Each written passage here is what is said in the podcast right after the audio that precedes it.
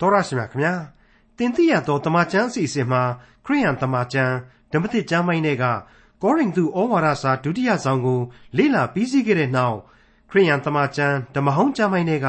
ယောဘဝိတ္ထုကိုစတင်လေ့လာမှာဖြစ်ပါတယ်။ထာဝရရှင်မြတ်စွာဘုရားသခင်ကိုယုံကြည်ကိုးကွယ်သူတူဖြစ်ပေမဲ့လို့စာရမဏေရဲ့တိုက်ခိုက်မှုကိုခံခဲ့ရရှာတာကြောင့်လောကီစည်းစိမ်ဥစ္စာတွေအလုံးပြုတ်ပြုတ်ပြုံးပြီးအသက်လေးရှင်နေတဲ့ဆုံုံကလွဲလို့ ကိုယ်ကာယပိုင်းဆိုင်ရာဒုက္ခတွေကိုဆင်းရဲပင်ပန်းကြီးစွာခံစားကြရရှာသူတူအကြောင်းဖြစ်ပါတယ်။အဲဒီလိုဒုက္ခဆင်းရဲတွေကိုသေလူမတက်ခံစားကြရပေမဲ့ဖယားရှင်ကိုတော့ပြစ်ပယ်ဆွန့်လွတ်ခဲ့ခြင်းမရှိဘဲဖယားရှင်ကိုဖက်တွယ်ယုံကြည်ကိုးကွယ်ခဲ့သူလည်းဖြစ်ပါတယ်။ရုပ်ပိုင်းဆိုင်ရာကိုသာဦးစားပေးပြီးရုပ်ပိုင်းဆိုင်ရာအသိပညာအတတ်ပညာတွေထုံးကားနေတဲ့ခေတ်ကြီးတဲ့ကဒီကနေ့ခရိယန်တွေအနေနဲ့စံပြရမယ့်ပုံကိုယ်ကြီးတူဖြစ်သူယောဘရဲ့အကြောင်း ယောဘဝိတ္ထုကိုထာဝရအရှင်မြတ်စွာဘုရားသခင်ရဲ့ဝိညာဉ်တော်မှုတ်သွင်းတော်မူခြင်းအပြင်ဘယ်သူရေးသားခဲ့သလဲဘယ်အချိန်ဘယ်ကာလလောက်ကဖြစ်ခဲ့သလဲဆိုတဲ့ခံမှန်းသုံးသပ်ချက်တွေနဲ့အတူ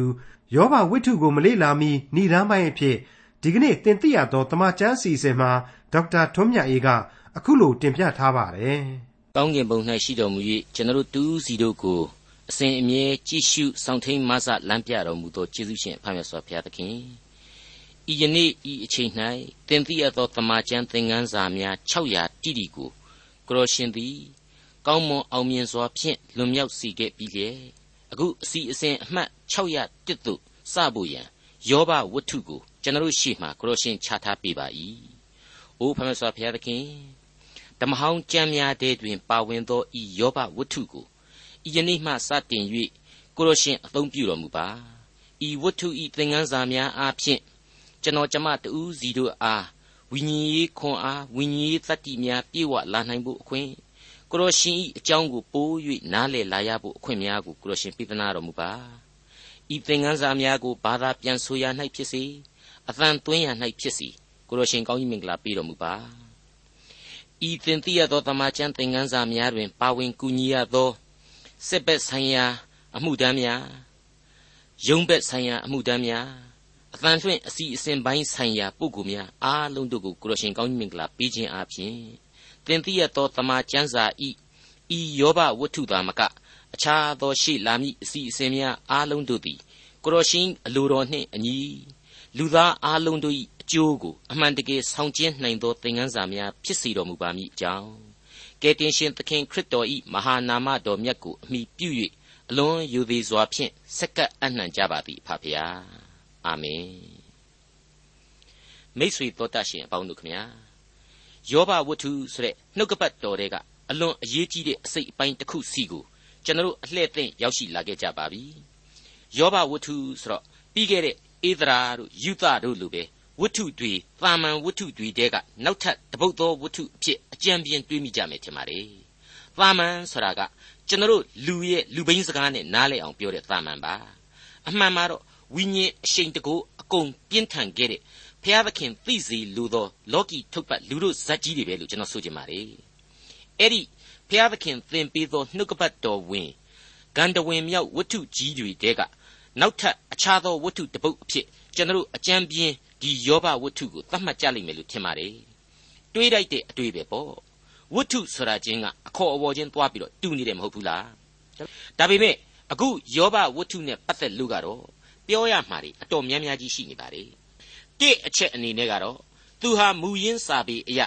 လင်္ကာရသစာပေလို့ခေါ်ဆိုနိုင်ပါတယ်။တနည်းအားဖြင့်တော့လင်္ကာမြောက်တဲ့စာပေပေါ့။ဆာလံတီချင်းသုတ်တန်ကျမ်းဒေသနာကျမ်းရှောလမုန်တီချင်းနဲ့ယေရမိမြည်တမ်းစကားကြမ်းများအတိုင်းပဲလင်္ကာရဂိုင်းဝင်လင်္ကာရှည်ကြီးတပုတ်လို့ကျွန်တော်ဆိုချင်ပါတယ်အဲ့ဒီလိုလင်္ကာယသနဲ့ဝတ္ထုလို့ကျွန်တော်ကဆိုလိုက်တော့ ကာယံတွေနဘေတွေနဲ့တေးကြပြဆန္ဒကိုကြီးပြောချင်တာမဟုတ်ပါဘူးမူရင်းဟေပြဲစာပေမှာဆိုရင်လင်္ကာမြောက်တယ်ဆိုတာဟာအတွေးအခေါ်တစ်ခုကိုအထက်ထက်တင်ပြခြင်းတကြော့ပြီးတကြော့ပြန်လှန်တင်ပြခြင်း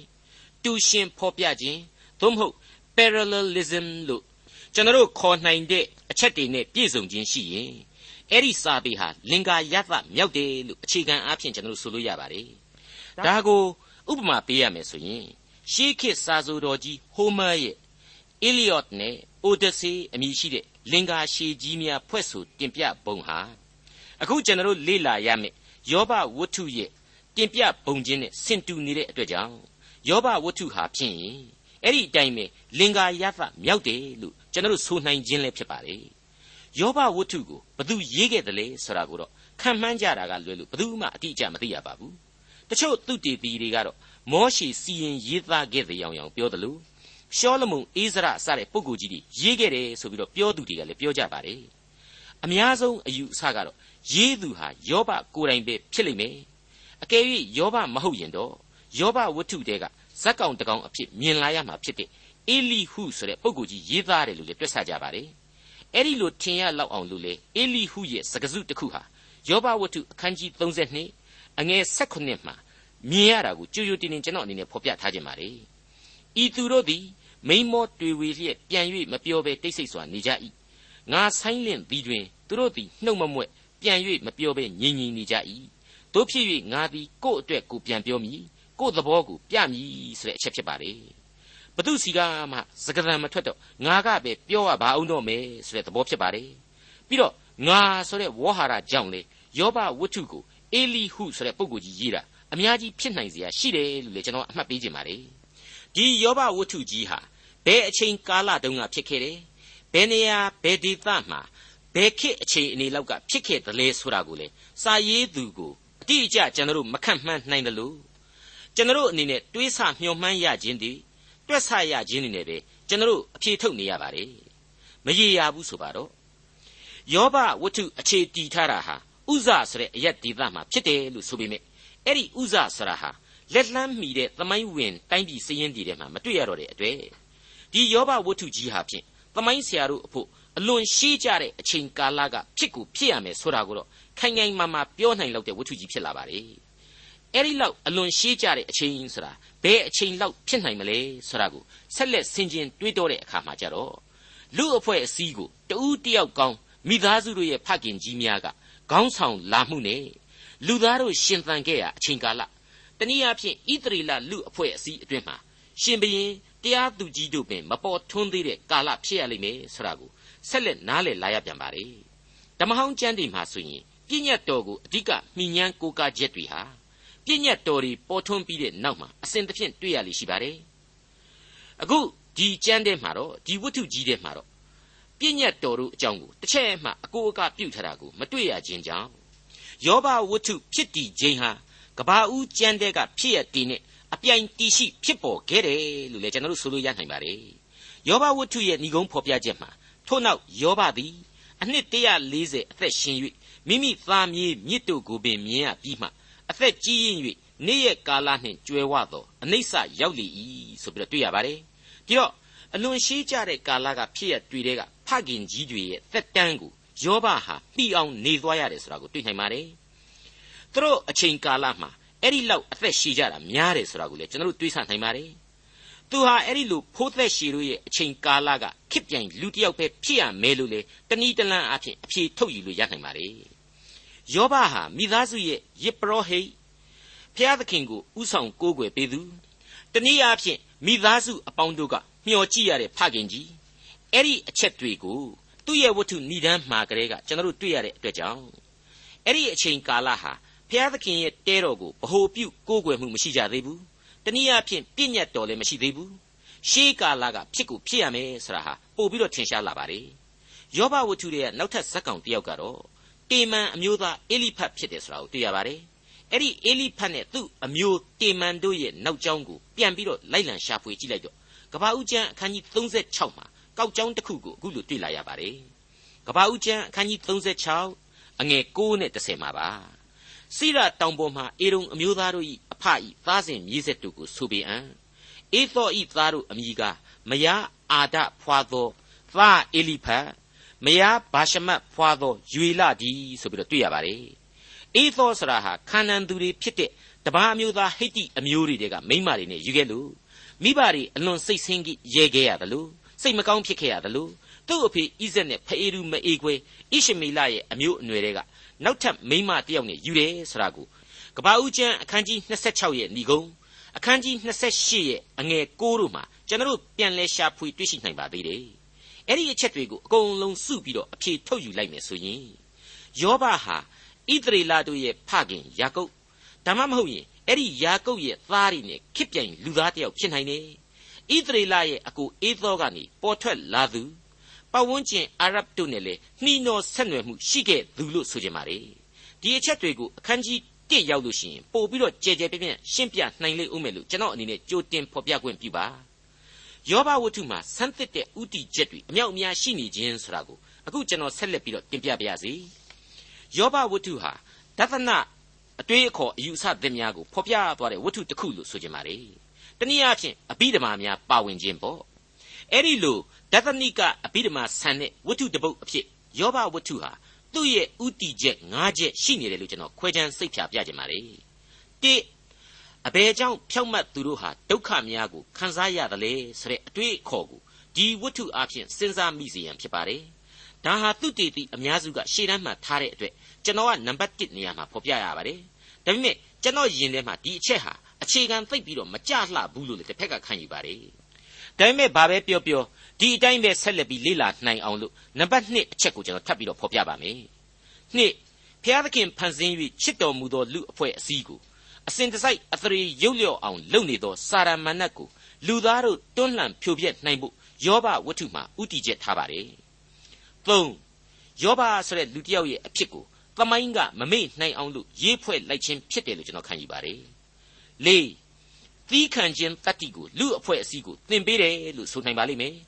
ရှင်ယာကုပ်ဩဝါဒစာအခန်းကြီး9အငယ်7မှာယောဘသည်သီးခံကြောင်းကိုသင်တို့ကြားကြရပြီဆိုပြီးဖော်ပြထားပါတယ်မှန်ပါတယ်ယောဘသီးမခံဘူးလားဆိုတော့သင်ကြီးခံပါတယ်ဒါပေမဲ့ယောဘသီးခံတယ်ဆိုတာရဲ့သီးခံနိုင်ဇွန်းအားနဲ့ပတ်သက်ပြီးတော့ဒီသီးခံနိုင်ဇွန်းအားဟာဘာကြောင့်ရရှိသလဲဆိုတာကိုယောဘဝတ္ထုရဲ့ဏိဂုံးပိုင်းမှာ ကျွန်တော်ရှင်းလင်းစရာတွေရှိလာပါလိမ့်ဦးမယ်ငါးအချက်အနေနဲ့ကတော့နောင်တစိတ်ကိုသွန်သင်ပေးခြင်းဆိုတဲ့နောက်ဆုံးသောအချက်ပဲဖြစ်ပါလေနောက်ဆုံးကြမှာဖော်ပြမယ်အရေးအကြီးဆုံးနဲ့အခြေခံအကျဆုံးသောယောဘရဲ့ဥတီချက်ဟာအဲ့ဒါပဲလို့ကျွန်တော်ဖော်ပြခြင်းပါတယ်ဒါဟာနံပါတ်1အချက်ဖြစ်တယ်အဘဲကြောင့်ဖြောက်မှတ်သူတို့ဟာဒုက္ခဝေဒနာများကိုခံစားရတယ်လဲဆိုတဲ့အတွေးအခေါ်တဲ့ပို့ပြီးတော့အရေးကြီးတဲ့အချက်လို့ကျွန်တော်အနေနဲ့လေးနဲ့စွာခံယူမိပါတယ် ဒီအကြောင်းတရားများကိုလေဒီသင်ခန်းစာတွေရဲ့အဆုံးပိုင်းမှာကျွန်တော်အရှင်းလင်းအပြတ်သားဆုံးတွေ့ရှိလာရလိမ့်မယ်လို့ကြိုတင်ပြောထားနှင်ကြပါလေအဲ့ဒီနောင်တဆိုရရဲ့သဘောတရားကိုယောဘရဲ့အသက်တာကနေပြီးတော့ဘုရားသခင်ထုတ်နှုတ်ခြင်းဟာအလွန်ထူးဆန်းနေတယ်ဆိုတာကိုတော့ကျွန်တော်ဟာအခုဏိဒန်းမှာကလေးကဖော်ပြထားလို့ပါတယ်နောင်တဆိုတာဟာပါမန်အဖြစ်စိုးစိုးတီတီပေပေတူးတူးမိုက်မဲဆိုးသွမ်းဘူးသူတို့စီကနေပြီးတော့သာပေါ်ထွက်လာယူရှိပါတယ် အဲ့ဒီလိုအစဉ်အလာအရပေါ်ထွက်တတ်တဲ့နောင်တသဘောတရားဆိုတာကိုကျွန်တော်တို့ဟာသိပြီးသားဖြစ်တယ်လို့အဲ့ဒါမှလေနောင်တအစစ်အမှန်ဖြစ်တဲ့အောင်အောင်ကျွန်တော်တို့စိတ်ကဆွဲလန်းနေတတ်ကြပါလေလူသားတို့အတွေးဟာဒီတဲ့လေသိပ်ပြီးတော့ပို့ပြီးတော့တွေးစရာမရှိလာပါဘူးဥပမာပေးရမယ်ဆိုရင်ဒါဝိမင်းကြီးရဲ့နောင်တမနာရှေဘုရင်ရဲ့နောင်တပြီးတော့တမန်တော်ကြီးရှင်ပေါလုတို့ရဲ့နောင်တမျိုးအဲ့ဒါတွေအပြင်ကိုသမက်ကိုတောင်ကိုပြန်ပြီးတော့သတ်ပစ်ခဲ့ဘူးတဲ့အထိရန်ကားခဲ့သူ မနေ့တနေ့ကမှတင်သမိုင်းမှာကွယ်ပြောက်သွားခဲ့ရတဲ့အီတလီအာနာရှင်မွတ်ဆိုလိုနီလိုပုဂ္ဂိုလ်မျိုးရဲ့နောင်တစသဖြင့်နောင်တမျိုးတွေဟာအတော်ကြီးကိုလူသားဆန်တဲ့ပြည်ပြင်းတဲ့နောင်တမျိုးဖြစ်ပါလေအခုယောဘဝတ္ထုတွေကယောဘရဲ့နောင်တကြတော့တမျိုးအလွန်တရာအံ့ဩဖွယ်နောင်တဖြစ်ရပါလေသူဟာဓမ္မဟောင်းကာလကလူသားတွေထဲမှာစိတ်ထားအကောင်းဆုံးလူသားကြီးတစ်ယောက်ဖြစ်တယ်မြင့်မြတ်စုံလင်တဲ့လူမျိုးတစ်ယောက်ဖြစ်တယ် အဲ့ဒီလိုလူမျိုးကိုမှဘုရားသခင်ကအသုံးချပြီးတော့နောင်တတရားကိုရရှိစေတယ်ဆိုတာဟာအလွန်အလွန်အရေးကြီးတဲ့ဝိညာဉ်သဘောတရားအမြင်ကိုပေါ်ထွန်းလာစေပါတယ်ယောဘဝတ္ထုရဲ့ဏိဂုံးကြံပိုင်းအခန်းကြီး42အငယ်9နဲ့6မှာယောဘဆိုခဲ့တဲ့အချက်ကတော့သတင်းတော်ကိုအကျွန်ုပ်သည်နားနှင့်ကြားဘူးပါပြီယခုမူကားကိုတော်ကိုမျက်စိနှင့်မြင်ရပါ၏ထို့ကြောင့်အကျွန်ုပ်သည်ကိုကိုယွန်ရှာပါ၏မြေမှုန့်နှင့်မိဖို့ပြာ၌ထိုင်၍နောင်တရပါ၏ဟုလျှောက်လေ၏ ဒီအချက်ဟာဓမ္မသမိုင်းမှာနှိုင်းစရာမရှိလောက်အောင်ဖြောင့်မတ်တယ်ဆိုတဲ့လူတော်လူကောင်းကြီးယောဘရဲ့နောင်တနှလုံးသားကထွက်ပေါ်တဲ့အသံပါဒီအချက်ဟာဒီကနေ့ကျွန်တော်တို့လူသားကိုယ့်ကိုယ်ကိုဘလောက်ပဲကောင်းတဲ့လူမှန်ကန်တဲ့လူတရားမျှတမွန်မြတ်တဲ့လူအဖြစ်ထင်နေနေအထင်ကြီးနေနေကိုယ့်ကိုယ်ကိုကိုမြင်တာတဲ့ဘုရားသခင်ကကိုယ့်ကိုဘယ်လိုမြင်တယ်လဲဆိုတာဟာပါပို့ပြီးတော့အရေးကြီးတယ်ပို့ပြီးတော့ဂရုပြုရမယ်ဆိုတာကိုသတိရစေပါ रे ကျွန်တော်ဟာကိုယ့်ရဲ့ဖြောက်မှတ်ခြင်းမှန်ကန်ခြင်းများဟူသည်၌ပင်အပြစ်ဘယ်သောအခါမျှမကင်းစင်နိုင်သောလူတ attva များသာဖြစ်သည်တို့ဖြစ်၍ကျွန်တော်တို့ကျမတို့အပါအဝင် လူသားမှန်သဖြင့်နောင်တစိတ်ဆိုတာရှိကိုရှိကြရမည်ဆိုပြီးတော့ကျိုးပဲ့ကြေမွာသောစိတ်ထားမျိုးမွေးမြူကြရမည်ဆိုပြီးတော့ယောဘဝတ္ထုဟာအလွန်ကောင်းမွန်တဲ့ဓမ္မသဘောတရားကြီးကိုကျွန်တော်တို့လူသားများအားလုံးနားလည်အောင်ဖော်ပြသွားပါလိမ့်မယ်ယောဘဝတ္ထုနဲ့ပတ်သက်ပြီးတော့ဒသနိကအတွေ့အခေါ်များပါဝင်ပါတယ် အလွန်ကောင်းမွန်တဲ့အတွေ့အခေါ်များဖြစ်တယ်ဆိုတဲ့အချက်ကိုကဘာကျော်လင်္ကာဆရာကြီး Lord Tennyson ဆိုတဲ့ပုဂ္ဂိုလ်ကြီးကဖော်ပြခဲ့ရုံနဲ့မကသေးပဲခေဟောင်းခေသစ်လင်္ကာတို့ဤသမိုင်းမှာမဟာအဆန်ဆုံးသောလင်္ကာရှည်ကြီးတစ်ခုဖြစ်တယ်လို့ကြပြဆရာတယောက်အနေနဲ့မှတ်ချက်ချလိုက်ပါတယ်အဲ့ဒီအတိုင်းပါပဲ Thomas Carlyle ဆိုတဲ့ Scott လူမျိုးအဘိဓမ္မာပညာရှင်ကတော့စာပေနဲ့မှတ်တမ်းပြုခဲ့သောခေဟောင်းရဲ့အကောင်းဆုံးသောအဘိဓမ္မာဝတ္ထုလို့ယုံကြည်တဲ့အကြောင်းကိုပြောဆိုခဲ့ပါတယ်။ Protestant ခရိယန်တို့ရဲ့ဥဆောင်လမ်းပြဖြစ်သူ မာတင်လူသာကလည်းထင်ရှားကြီးကျယ်တဲ့ကြံပေါင်းများစွာတို့အလဲမှာအကောင်းဆုံးသောဝတ္ထုတစ်ပုဒ်အဖြစ်ခံယူတယ်လို့ဖော်ပြခဲ့ပါတယ်။ဒေါက်တာမိုးဟက်ဆိုတဲ့ပုဂ္ဂိုလ်ကရှင်သန်ဆဲလင်္ကာသမိုင်းထဲမှာအဟောင်းဆုံးနဲ့အကောင်းဆုံးလင်္ကာဝတ္ထုကိုညွှန်ပြပါဆိုရင်ယောဘဝတ္ထုကိုညွှန်ပြရလိမ့်မယ်လို့ချီးကျူးခဲ့ပါတယ်မိษွေတော်တတ်ရှင်အပေါင်းတို့ခမညာယောဘဝတ္ထုကြီးကိုတပုတ်လုံးအနေနဲ့ခြုံငုံသုံးသပ်ပါရစေဒီဝတ္ထုကြီးဟာ ကောင်းကင်ဘုံနဲ့မြေလွှာကိုနှစ်ဖြာပေါင်းကူးရေးဖွဲ့တဲ့ဝတ္ထုကြီးဖြစ်ပါတယ်အဲ့ဒီလိုမြင်ရတဲ့အတွက်စိတ်ကူးရင်ရသစာပြီးတဆူတာဖြစ်တယ်လို့ဝေဖန်တဲ့အသံတွေဟာလေစန်းစာလေးလာသူသူတေတီတွေကြားထဲမှာအလွန်များပြားစွာလှုပ်ရှားလျက်ရှိနေပါတယ်ကျွန်တော်ကတော့ယောဘဝတ္ထုဟာဖြစ်ရမှန်တစ်ခုအပေါ်မှာအခြေခံပြီးတော့ဘုရားသခင်ကိုတော်တိုင်ရေးဖွဲ့စေသောကြံလို့အလေးအနက်ဆိုလိုက်ပါရစေဒါကြောင့်မို့လို့သာမြင်လေဘုရားသခင်ဟာဒီဝတ္ထုကြီးရဲ့အရှိန်အဝါကိုနောင်အနာဂတ်ကြံပေါင်းများစွာမှာ ဖြည့်ဆွက်ခြင်းပြုခဲ့တယ်ကိုးကားခြင်းပြုစီခဲ့တယ်လို့ကျွန်တော်ခံယူပါတယ်ဥပမာအားဖြင့်ယေဇကျေလအနာဂတ်ကျမ်းအခန်းကြီး14အငယ်14မှာကြည့်ပါ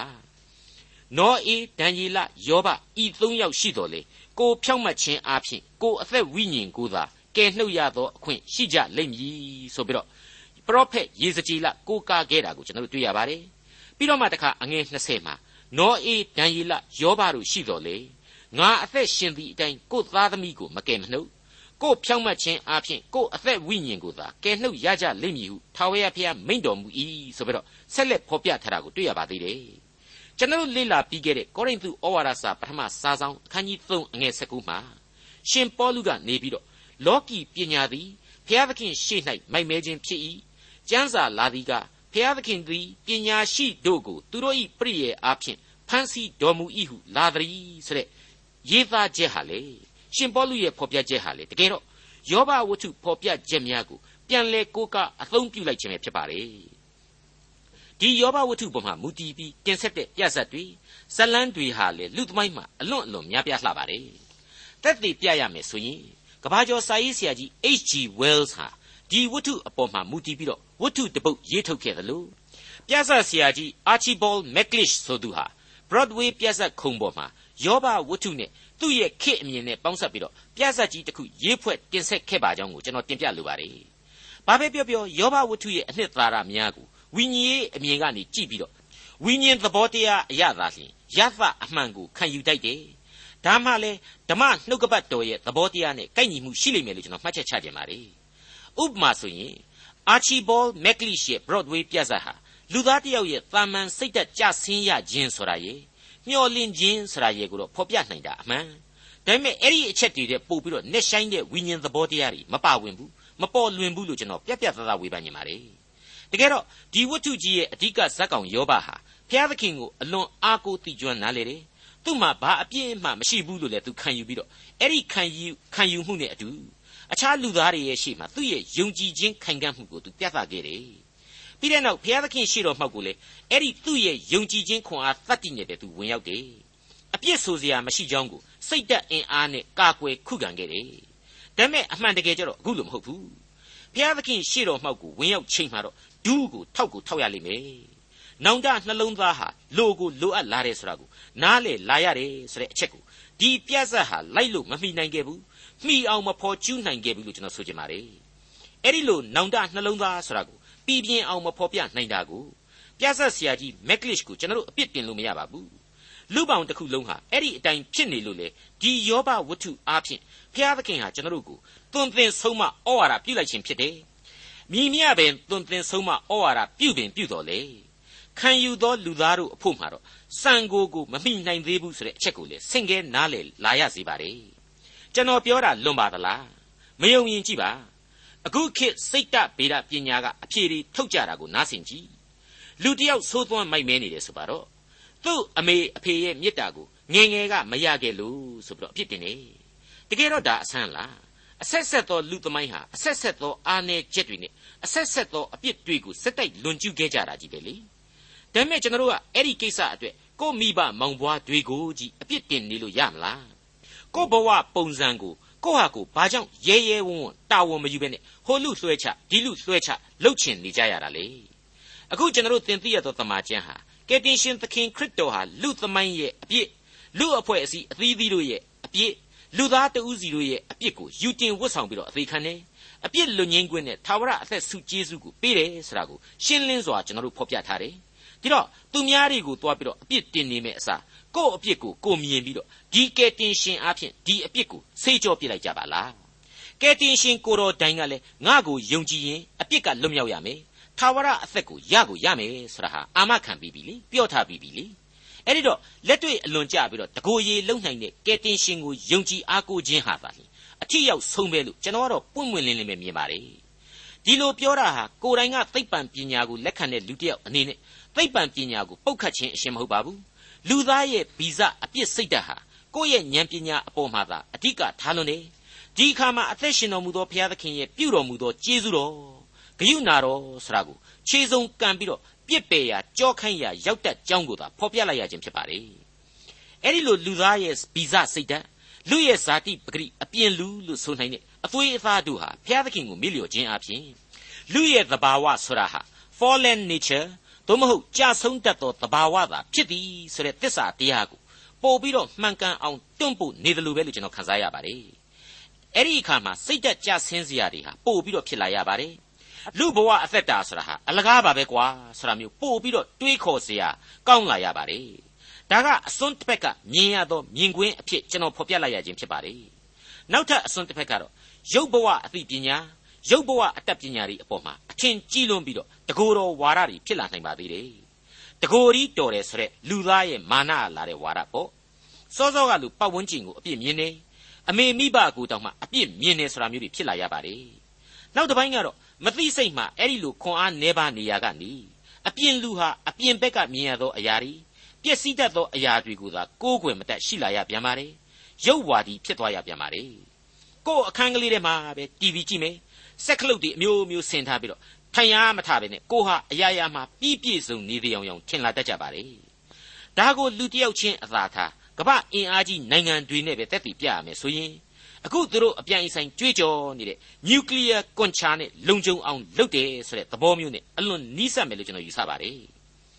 အဲ့ဒီလိုသိပ္ပံနီးပညာသိပ္ပံနီးအင်အားအာဏာတွေကိုသုံးရင်လူဘဝဟာလုံခြုံတယ်ဆိုတဲ့သဘောသူတို့ဖော်ပြလာပါတယ် အဲ့ဒါဟာလူစရိုက်ပဲဒီကနေ့ဒီအချိန်မှာအင်အားကြီးနိုင်ငံတွေကထွက်ပေါ်နေတဲ့အသံပလန်တွေဟာအဲ့ဒါကိုပဲဖော်ပြနေတယ်ဆိုရင်ဘယ်သူမှငြင်းနိုင်မှာမထင်ပါဘူး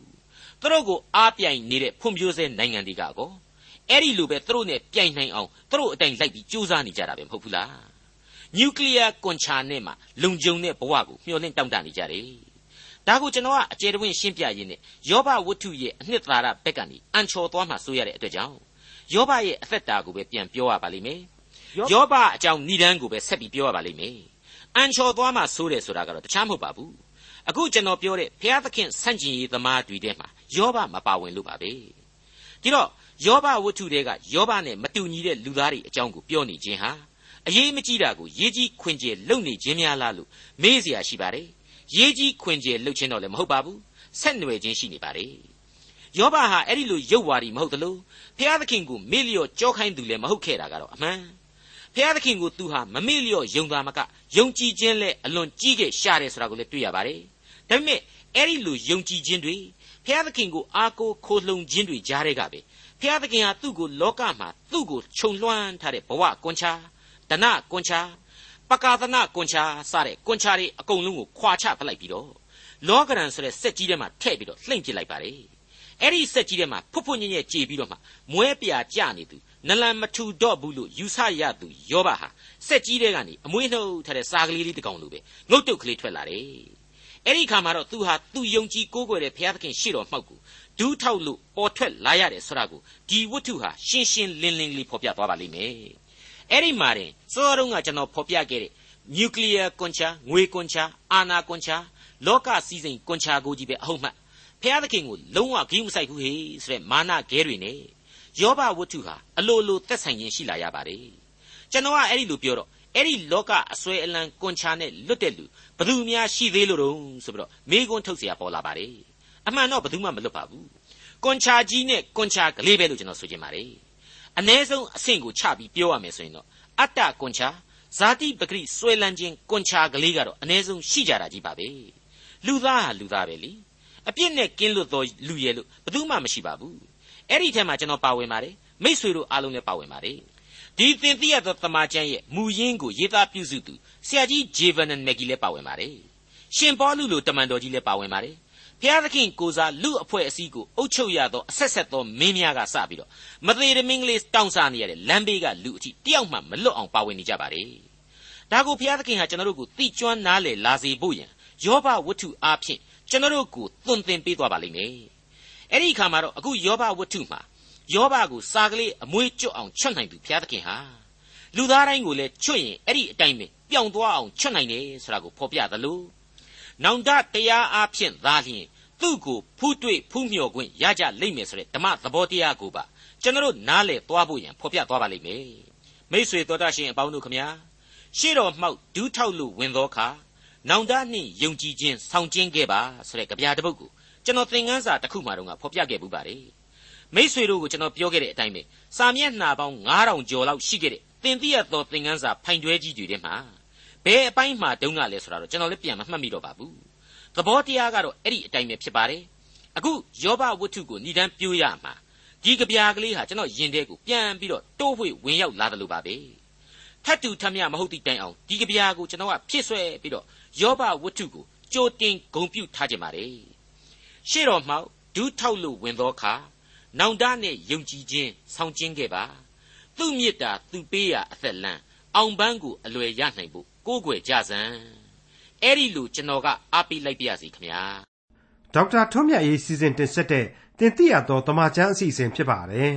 နောက်တစ်ချိန်အစီအစဉ်မှာ ခရိယန်တမချန်းဓမ္မဟောင်းကျမ်းပိုင်းတွေကယောဘဝိတ္ထုအခန်းကြီး1ကိုလေ့လာမှဖြစ်တဲ့အတွက်စောင့်မျှော်နားဆင်နိုင်ပါတယ်။